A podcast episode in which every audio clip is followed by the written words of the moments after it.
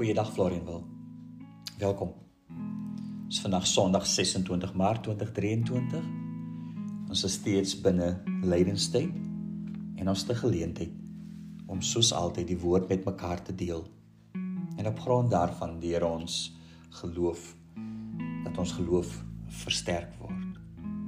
Ek open vir ons. En biddelike Heer. Here ons Here, u kinders voor u. En u Here sien dwars deur ons Here. En daarom weet u van ons stryd en u weet van ons kwellings en u weet van ons gebrokenheid. Maar ons begeerte is altyd dat u wel met ons sal praat. En daarom Here, nooit u rug op ons sal draai nie. Maar presies Here sal doen soos wat die seënbede sê Here, u aangesig na ons toe sal oplig. Stuur die lig Here, stuur die waarheid. Amen. Vriende, genade en vrede soos altyd vir almal van julle. Van God ons Vader, van Jesus ons Heer deur die werking van die Heilige Gees. 2 Korintiërs 12 vanaf vers 1 is ons teksgedeelte. U ken dit, baie bekende gedeelte. 2020 vertaling lees soos volg: Paulus se gesigte en openbarings. Vers 1. As daar dan geroem moet word, is dit nie voordelig nie. Maar ek kom nou by gesigte en openbarings van die Here.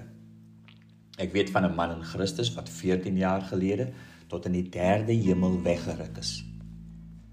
Of dit in die liggaam of buite die liggaam is, weet ek nie. God weet dit.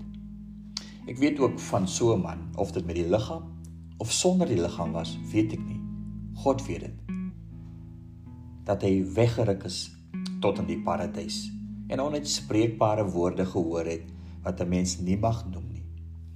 Op so iemand sal ek my beroem, maar op myself sal ek my nie beroem nie, behalwe oor my swakhede. As ek my wel daarop wil beroem, sal ek nie dwaas wees nie, want ek sal die waarheid praat. Maar ek weerhou my daarvan sodat niemand meer aan my sal toedig as wat hy van my sien of by my hoor nie, selfs met 'n agneming van die buitengewone aard van my openbarings. Daarom om te keer dat ek opgeblaas word en sodat ek nie hoogmoedig mag word nie. Is daar vir my 'n doring in die vlees gegee, 'n engel van Satan om my met die vuis te slaan. Hieroor het ek die Here 3 maal gesmeek dat dit van my moet wyk. Maar hy het vir my gesê, my genade is vir jou genoeg, want my krag word in swakheid volbring. Daarom sal ek my baie liewer op my swakhede beroem sodat Christus se krag my kan beskik. Terwille van Christus verheug ek my in swakhede, beledigings, ontberings, vervolgings, benoudhede, want wanneer ek swak is, juist dan is ek sterk. Sê woord van die Here vanoggend. Afloop 'n paar staande tog gefokus op genade. Want ek dink dit is belangrik vir ons in die lydingstyd om nie hierdie te vergeet nie. Nie te vergeet wat dit gekos het vir ons om kinders van die Here te wees nie en hoe duur die prys was nie. In die vroeë 2000s het ek onthou het ek 'n gesprek bygewoon.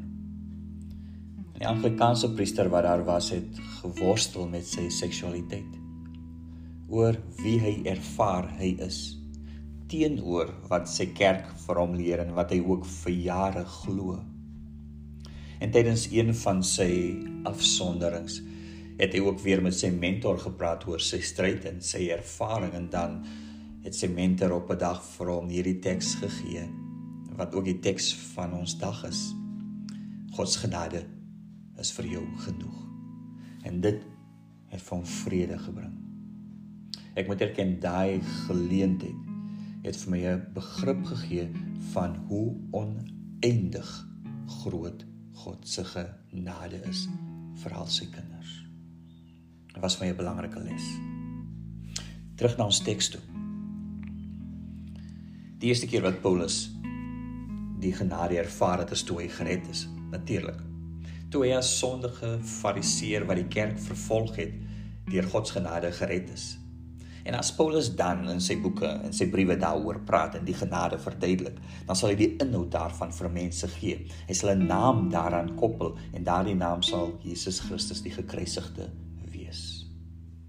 In Jesus se sterwe aan die kruis is daar vir eens en vir altyd betaal vir ons skuld. In die brief Kolossense hoofstuk 2 vers 14 sê Paulus Jesus het die skuld bewys, skuld bewys met sy eise teen ons tot niet gemaak. Deur dit aan die kruis te spyker, het hy dit vir goed weggeneem. Dis wat gebeur in die, in in die kruis. In Galasiërs hoofstuk 2 vers 19 sal Paulus selfs nog sterker praat en hy sê van homself ek is saam met Christus gekruisig. En jy hoor dus hoe Jesus Christus in sy sterwe aan die kruis en en wat dit doen is dat dit werklik waar die skuld van ons wegneem. Dit is vasgespijker aan die kruis. Paulus sê hy is vasgespijker aan die kruis.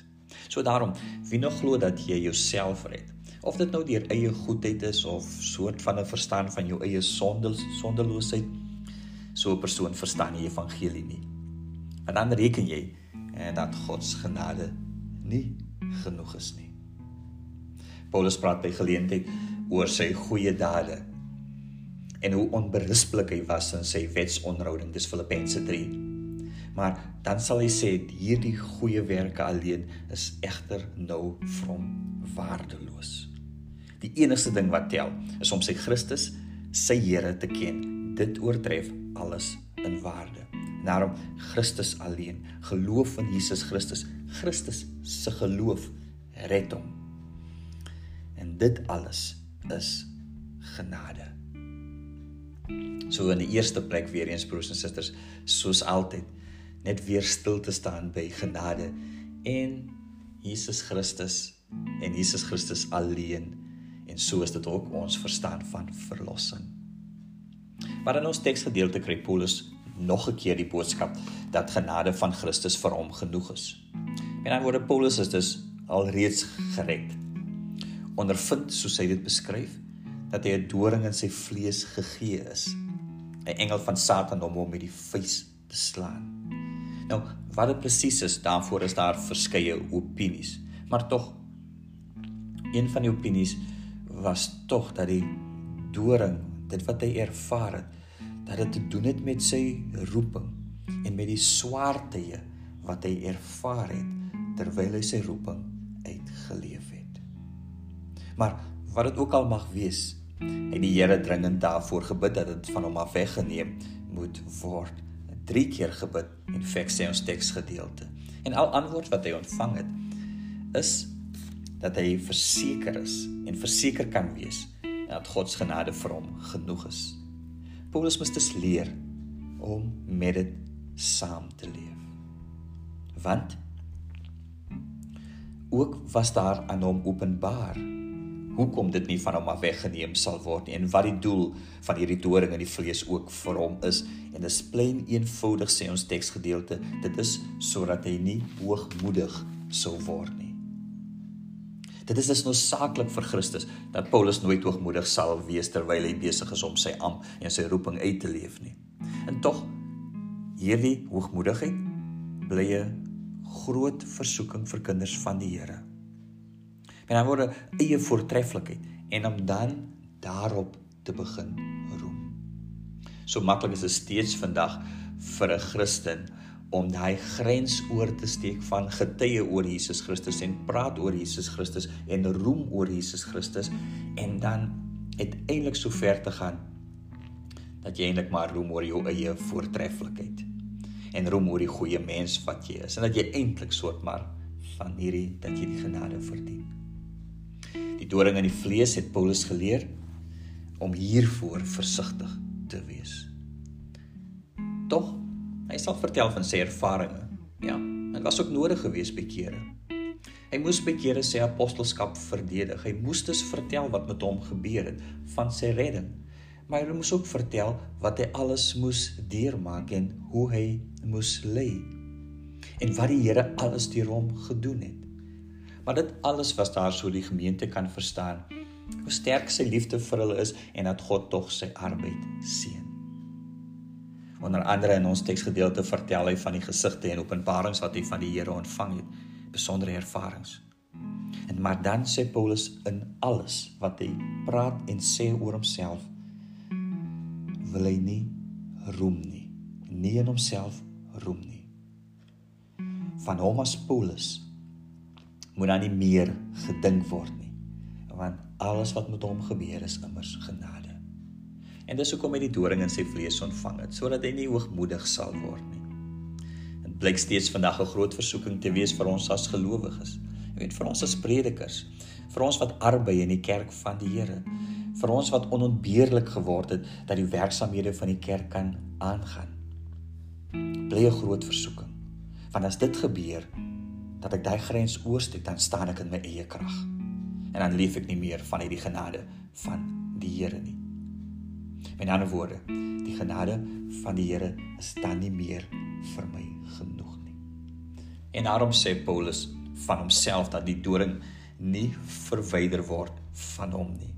Want daar is swakheid moet hy ervaar en het 'n doel in sy lewe. Hou hom afhanklik van die Here. Fokus sy aandag gedurig deur op sy genade.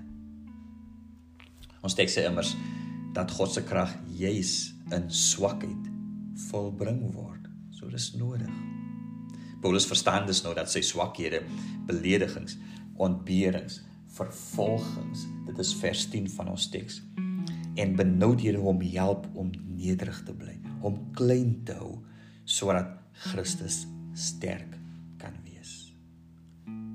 Jy's alle teenkante kan dus vir hom van groot betekenis wees. Want dit bring vir hom na Christus en Christus se genade en dit hou vir hom nederig. Ek sluit af broers en susters. Genade is belangrik vir ons verlossing. Sodat ons besef dat ons as sondaars deur die Here gered is, deur sy kruis gered is, maar ook besef ons deur ons teksgedeelte dat genade is ook belangrik vir ons alledaagse lewe. Want gedurig dreig die gevaar om staat te maak op eie krag en eie En daarom weer eens 'n woord van genade vandag. En daarom weer eens goeie nuus vandag. Dit maak dus nie saak wie ons is nie. Of jy nou Paulus is en sy groot opdrag of jy nou 'n Anglikaanse uh, priester is uh, wat worstel met met dinge wat in jou lewe is. Daar is genade vir alles in ons lewe. Maar ek dink vandag ook word ons opgeroep dat ons nie hoogmoedig moet word nooit soveel van onsself moet dink dat ons daarom sterk raak nie en dat ons eintlik nie meer leef van hierdie genade nie. In die kerk van die Here, net soos Paulus, sal ons swakhede ervaar en beledigings en ontberings en vervolgings, benoudheid is belangrik sê die Here. Is nodig sê die Here. Onthou Paulus het net 3 keer daarvoor gebid en toe en toe besef hy sal nie meer vra nie want hy weet wat die doel van die Here daarmee is. Kom ons dra ons ontberings. Ons weet daarmee wat die doel daarvan is. Want as ons swak is, is ons sterk. Amen. En biddelike Heer, dankie Here vir hierdie vir hierdie boodskap van Paulus, boodskap van genade. Dis vir ons maklik Here wanneer ons praat Here oor U en oor die werke dat ons maklik Hemelse Vader voor staan. Dis maklik Hemelse Vader dat dan eintlik oor my gaan. En terwyl dit eintlik Here alleen oor U moet gaan. Help ons om te verstaan net soos Paulus. Hoekom daar swakhede en beledigings en ontberings in my lewe is. En laat ek ook dan verstaan hier dat ons dan verstaan as gemeente om ons ook nederig te hou. Want Hemelse Vader ons kan nie opgeblaas sê die teks leef in die kerk want dan Vader sien hulle nie vir u nie. Mag die genade van ons Here Jesus Christus, die liefde van God en troos van die Heilige Gees met ons wees want aan U behoort die koninkryk en die krag en die heerlikheid tot in ewigheid. Amen.